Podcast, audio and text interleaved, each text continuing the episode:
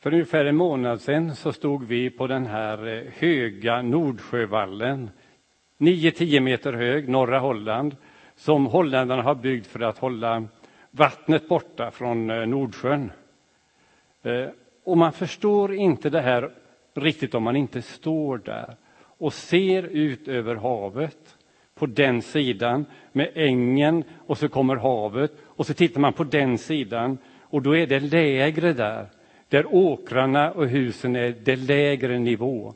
Så man förstår att den här muren, den behövs. Vi ville förklara det här för våra eh, barnbarn och sa att de här vallarna, så försökte vi förklara. Det gick inte att förklara utan att ta dem dit. Och så säger jag lite med glimten i ögat att holländarna brukar säga så här att Gud har skapat världen, men vi holländare har skapat vårt eget land. Jag vet inte om det är riktigt så, sa jag.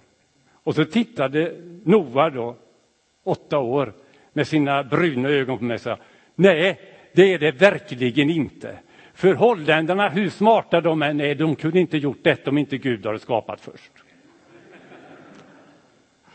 Ja, och då tänker jag lite vidare, men så är det ju med väldigt mycket. Gud gör någonting, men vi människor kan göra något av det som han har gjort så är det också i församlingen. Det är ett samarbete mellan Gud och oss församlingsmedlemmar för att församlingen ska fungera. Om Gud vill ha något gjort så använder han oftast människor att göra det. Tänk på det. Det var en annan sak som jag tänkte på där, just vid den här vallen. För det, det var en fågelskådare där, en holländare förstås, och Ulla hon vill ju liksom eh, prata holländska när hon är i Holland. Så hon går på alla människor som hon ser som är något möjliga att prata med.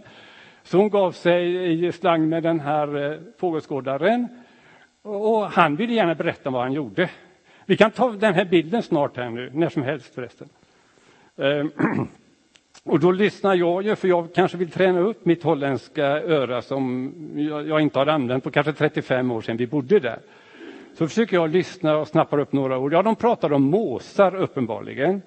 Och han har sett 8000 måsar idag. Sen börjar han att prata om olika sorters måsar på holländska namn. Då var jag helt borta. Jag är inte ens säker på att Ulla var med på alla dessa olika måsarter.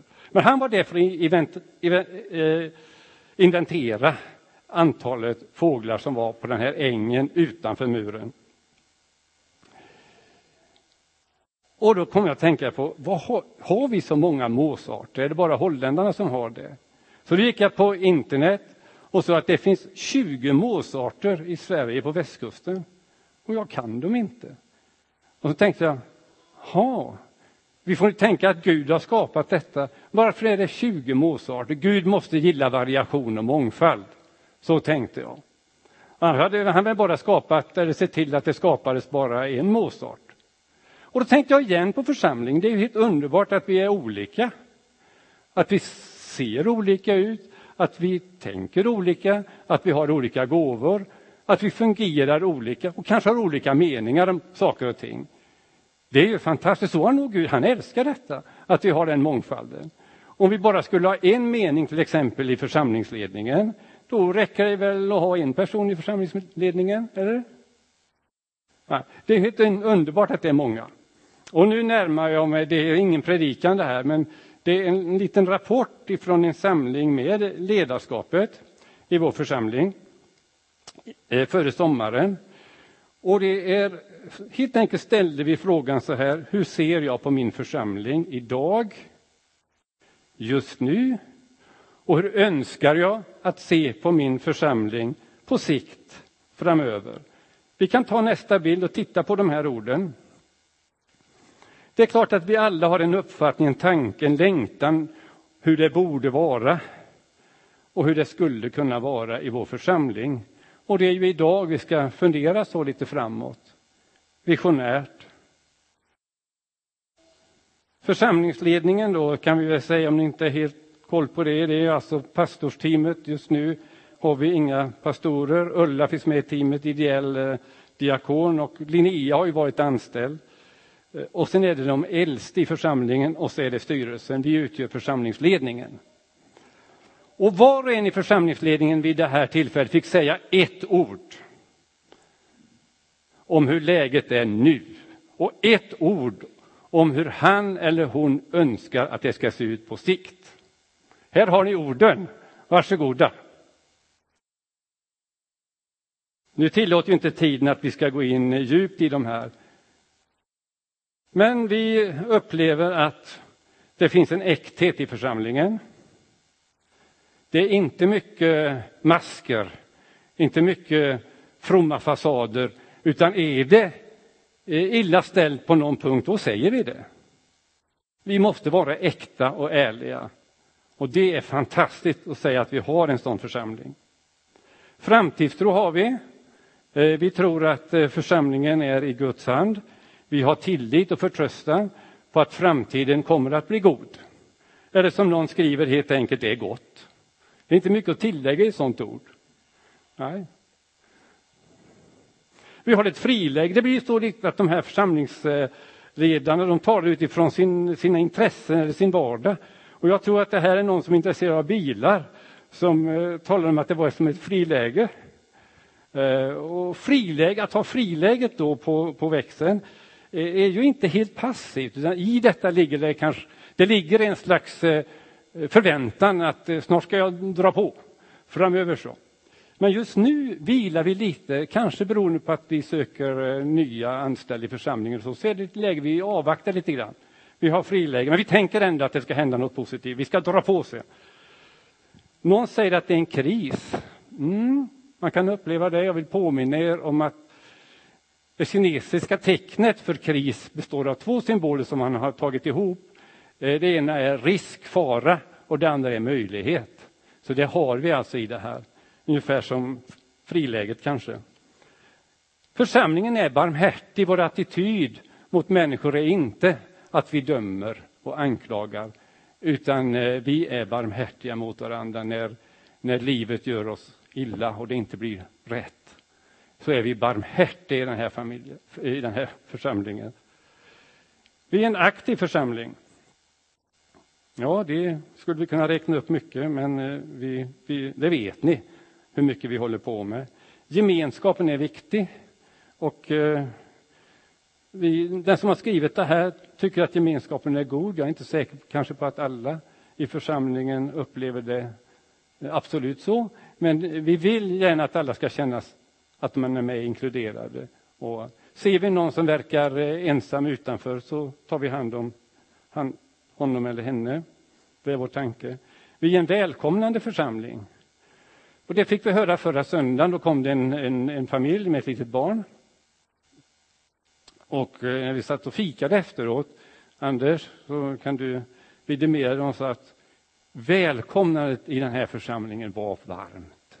De var överväldigade. Och det, det vill vi stå för, det vill vi fortsätta med. Någon tycker att församlingen är åldrande. Ja, vi åldras ju alla, så att det är klart. Men om jag skulle när jag stod här framme vid barnvälsignelsen och såg alla barnen så tänkte jag ändå att medelåldern är inte jättehög. För de här små barnen de drar ju ner den ordentligt. Eh, men jag tänker att den som har skrivit åldrande här, nu minns jag inte vem i ledarskapet är, tänker att vi, vi kanske saknar en generation. Vi, vi, vi skulle vilja se mer ungdomar här i, i, i vår gudstjänst och i församlingen överhuvudtaget. Så vi, vi som sitter här nu är väl kanske hög medelålder, åldrande. Så här har vi någonting att jobba med. Det finns en förväntan, det har väl lite med det här friläget att göra, så det behöver vi inte ta ytterligare. Enhet eh, upplever vi att vi har. I varje fall i församlingsledningen så har vi upplevt det när det har varit lite jobbigt under, under en tid så har vi känt i alla fall en väldig enighet i församlingsledningen på de beslut som måste tas, även om de är tuffa. Eh, och det är gott. Andeled, ja men det har ju Anders redan sagt, det behöver vi inte fördjupa oss i. Det är ju andens rörelse håller isen borta. Mulljord, det är ju någon som är intresserad av trädgård som tycker att eh, församlingen representerar mulljord, den goda jorden. Mm. Det finns möjlighet att växa bra här i vår församling. Eh, om vi sen går på det som står till höger så är det ju på sikt. Då. Det är vad församlingsledningen önskar. Vi önskar att församlingen ska vara relevant. Det vill säga att när man kommer till en gudstjänst så ska man uppleva att den eh, gudstjänsten i sång, musik, tal och annat berör mitt liv. Att det är på riktigt. Och att det vi gör också är relevant för vårt samhälle, i vår samtid och i vårt samhälle. Andefylld, då är vi där igen. Eh, den heliga ande, det är ju väldigt, väldigt viktigt att vilken församling som helst är ledd av den helige ande och fylld av den helige ande. Även en pingsförsamling, skulle jag vilja säga. Överlåtelse, att vi ska vara överlåtna i våra liv åt Gud. Eh, och då är det ju personligt. Alltså om inte vi som församlingsmedlemmar är överlåtna åt Gud så kan vi aldrig säga att församlingen som sådan är det. Utan det bygger på att du och jag är det. Att Gud betyder någonting i våra liv, att vi vänder oss till honom. Det önskar vi. Visioner har vi jättemycket. Vi har bett varenda råd skriva upp sina visioner för framtiden och vad man har för arbetsuppgifter, så det saknas inte. Möjligheter har vi. Eh, behoven är enorma. Om man ser det så, så vi måste väl ändå se vad är eh, det är möjligt för oss att göra i alla de utmaningar som finns för församlingen och i samhället. Men det finns oerhörda möjligheter för församlingen att betyda någonting. Generationer, det har jag varit inne på. Ungdomar, den generationen ungdomar, kanske yngre vuxna. Eh, där behöver vi, där har vi en önskan att vi ska se mer av generationer. Ändå är det så att när vi hade en träff i kommunen med olika föreningar så var det kyrkorna som stod för detta, att det var flera generationer som var engagerade. De övriga föreningarna kunde nästan inte visa på det. Så vi är unika här, vi har en möjlighet. Den som har skrivit att församlingen är aktiv önskar att den ska vara ännu aktivare. Hjälp oss.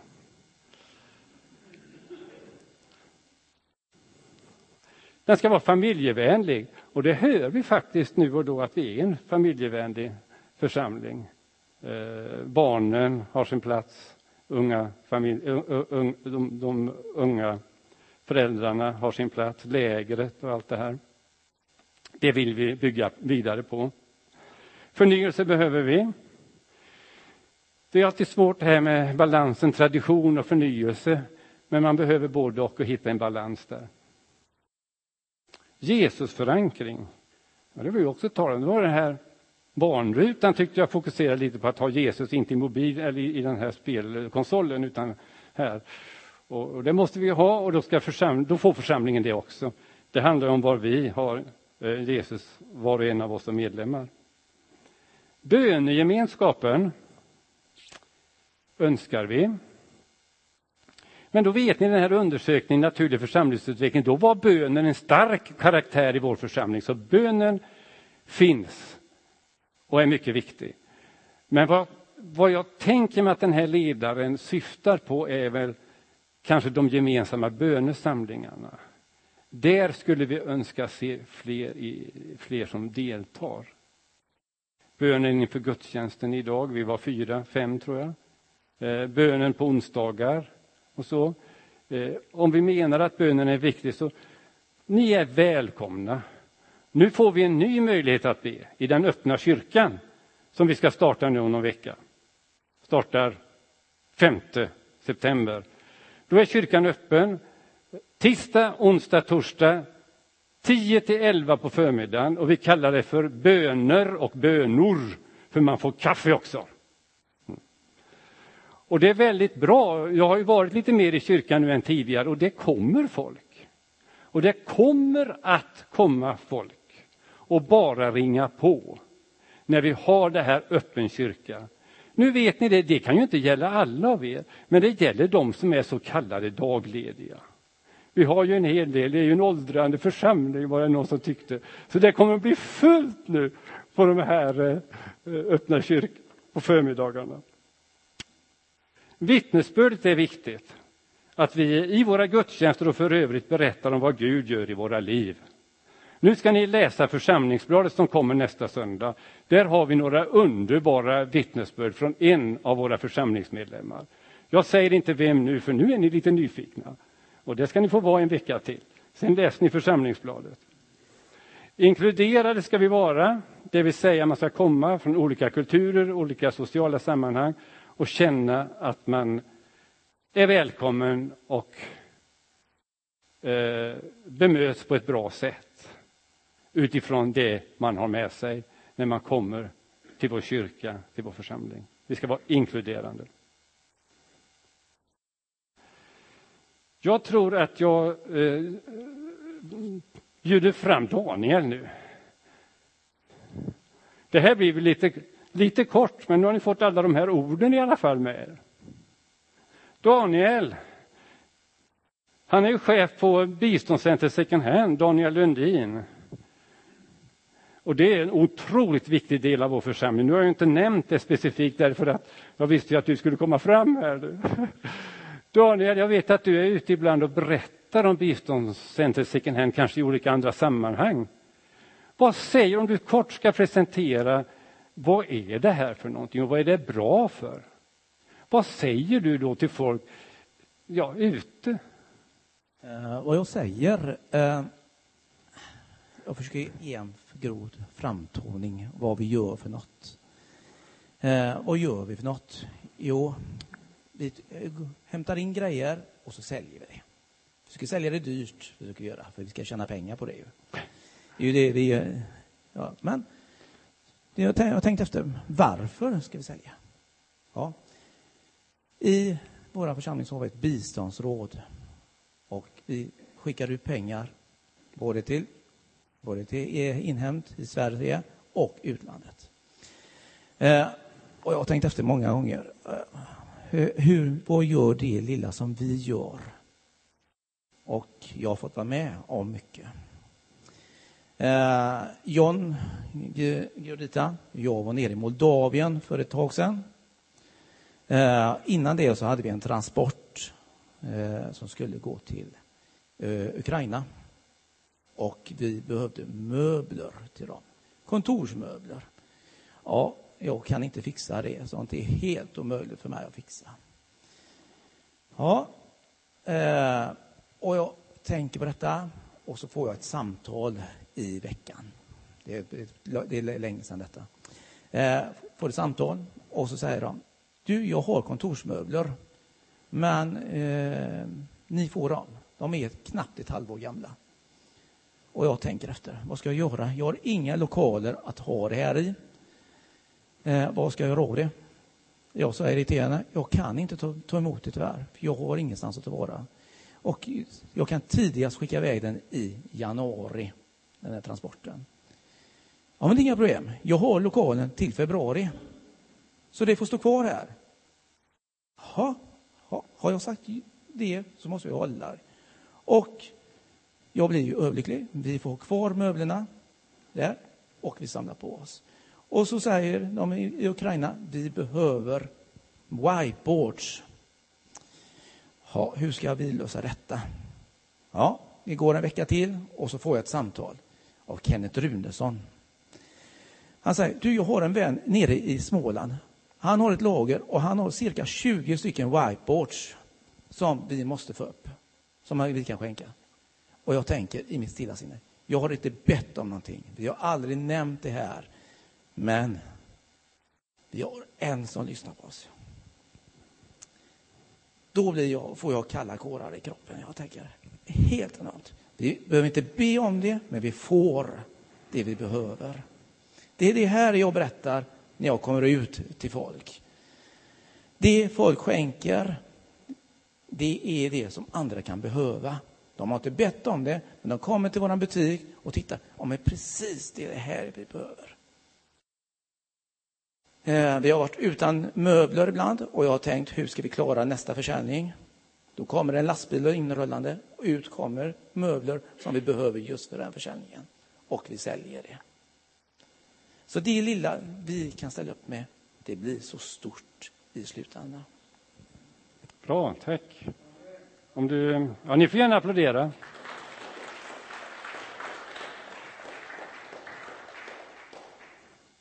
Om du tänker framåt, har vi några speciella utmaningar nu? Eller? Så, ta chansen också, det är en massa ja. folk här. Utmaningar, ja, vi har stora utmaningar. Eh, förra året så ändrade vi regeringen, då, fick vi, då försvann fasen. Då försvann mycket folk från oss som vi kunde komma ner och jobba hos från kommunen som behöver hjälp, mycket folk. Eh, vi vill ju att folk kommer till oss och är hos oss. Vi har ställt upp för kommunen att folk får komma till oss och göra en rehabilitering hos oss. De börjar på två, tre timmar och så ökar de. När de har kommit upp till åtta timmar, då kan man komma ut i arbetslivet och göra en 50 tjänst. För vi har så ett lång, lågt tempo hos oss. Eh, så att folk kommer, ja, lättare att komma in och kunna jobba hos oss. Eh, jag hade en kille från frivården som var hos oss. Eh, och han är ett tag och sen, Daniel, jag ska inte gå härifrån, jag ska fortsätta här. Ja, men jag, du, du, jag vet, jag kan inte anställa folk här, det går inte. Vi har inte den ekonomin för det. Nej, men vi, vi får lösa det. Jag ska vara kvar. Ja, vi får se den dagen när den kommer. Nej, Daniel, lägg ner det. Jag ska vara kvar. Ja, ja, ja, jag hör på det, jag hör på det, säger jag. Så vi fortsätter och så pratar vi och så säger de från Arbetsförmedlingen att vi kan ge han ett anställningsbidrag. Det blir, det blir rätt bra. Blir det. Eh, och i samma veva behöver jag en chaufför. Och så tänker jag, hur ska jag pussla ihop det här? Ja, vi tar han på ett anställningsbidrag. Och han får detta. Och så kommer han till mig och knackar på mig på ryggen en dag och säger Daniel, du ser, det löste sig. Ja, okej, okay, jag ger mig. Så vill man jobba hos mig så är man jättevälkommen göra en volontärtjänst. Vi behöver er. Eh, på vardagarna, onsdagarna, vi, vi, ibland känner man oj, kan vi öppna BSFK? Och eh, få personer. Ja, ja, vi öppnar i alla fall. Och så helt plötsligt så står någon dam där, eller en killman. Ja, du, jag hade inget att göra. Kan jag vara kvar? Kan jag vara här? Och då tänker man, Gud, du har hört min bön. Jag ber inte, men du, du, är, du, du ställer ändå upp. Eh, ja, du säger ett namn. Ingegerd Karlsson. Det är min Det är min blomma. Hon kommer alltid, ställer upp. Eh, ibland så tänker man, nu är klockan fem, tio, tolv. Hon har inte kommit. Helt plötsligt så kommer hon. Hej, jag är här. Åh, eh, underbart. Eh, jag har fler, jag har fler. Jag har en dam som heter Aino som kommer också. Jag sa en gång att eh, Ingrid Karlsson, du får en kram när hon kommer. Då säger, räcker Aino, Aino upp handen och säger, du, jag kommer också om jag också får en kram. Ja. Så den som vill ha en kram av mig och ni kommer så får ni gärna det av mig. Jag ställer gärna upp på det. Ni är så hjärtligt välkomna. Eh, ja, det är det jag säger. Det är bra, Daniel. Tack så jättemycket. Och vill ni ha kram så vet ni vad som gäller.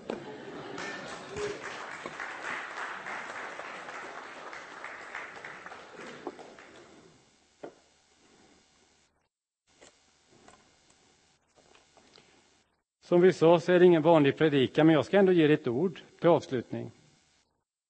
Som skulle kunna bli en eh, lång predikan, men det blir det inte. Men det är en sammanfattning av eh, vad vi har sagt i förkunnelsen här. Det är från första Petrus brev, kapitel 4 och vers 10. Och ni ska också få utkastet. Om jag hade predikat över den här texten så hade jag haft sex punkter. Så här är texten. Tjäna varandra, var och en med den nådegåva han har fått, som goda förvaltare av Guds nåd i dess många former. Vilka sex punkter blir detta? Tjäna, det vill säga, och det talar vi ofta om i ledarskapet, vi ska tjäna församlingen. Vi ska inte styra och ställa, vi ska tjäna församlingen med de gåvor vi har. Och sen stod det var och en, det vill säga ingen är bortglömd av oss som står eller sitter i kyrkan här. Var och en betyder alla. Alla har en betydelse. Alla har en uppgift. Tredje är gåvor som vi fått. Har vi fått några gåvor? Ja, jag lovar att vi i vår personlighet, i vår utrustning har fått gåvor från Gud. Och sen kan den helige Ande komma och utveckla de här gåvorna på ett fantastiskt sätt. Men det är nådegåvor. Fjärde punkten är goda förvaltare. Vad tänker ni på när ni hör ordet förvalta? Det är någonting som finns, som man ska bevara för en kommande tid. Det betyder att förvalta. Och då kanske vi tänker på pengar, kapital eller byggnader eller så. Det ska vi också förvalta. Men vad den här texten handlar om, och det är den femte punkten, det är Guds nåd som vi ska förvalta. Mm. Guds nåd är det som vi har som en tillgång och som ska växa när vi förvaltar det. Det är mer värt än alla pengar och eh, fastigheter. Det är Guds nåd. Och sen avslutas det med Guds nåd i alla dess former. Och då har vi mångfalden igen. Alla formerna. Det finns många former. Vi har många olika gåvor, många olika uppgifter. Vi har många olika erfarenheter och sånt som vi har med oss. Allt detta kan ställas till Guds förfogande i en församling. Vi har pratat mycket om visioner. Men visioner kan inte uträtta någonting alls om det inte finns några bärare av visionerna. Och det är vi. Någon har sagt så här att arbete utan visioner, det är slaveri. Visioner utan arbete, det är bara drömmar. Men visioner och arbete tillsammans kan förändra världen. Och den som sa så tog ju i ordentligt. Men jag tror att vi kan förändra en liten del av världen, några människors liv, samhällets liv, om vi verkligen förenar de visioner vi har med ett rejält arbete. Vad kan du och jag göra för församlingen? Blir det som vi egentligen borde meditera över just nu? Och det är okej okay att göra det under några sekunder. Vad kan du och jag göra för församlingen? Vi vet att församlingen kan göra mycket för oss och gör det. I olika situationer i livet så betyder församlingen mycket. Men vad kan du och jag göra för församlingen? Annars blir visionerna bara drömmar. Herre, du vet hur vi tänker och hur vi känner var och en av oss nu. Tack för att du har kallat oss till ett gott verk. För ditt rikes skull. I detta samhälle, i denna samtid. Herre, nu ber jag att du ska tala om för oss, göra det levande för oss, vilken betydelse vi kan ha i det här sammanhanget för församlingen. Och att vi kan göra en insats. Och du ska hjälpa oss och ge oss kraft i den heliga Ande att kunna fungera som en verklig levande församling. Amen.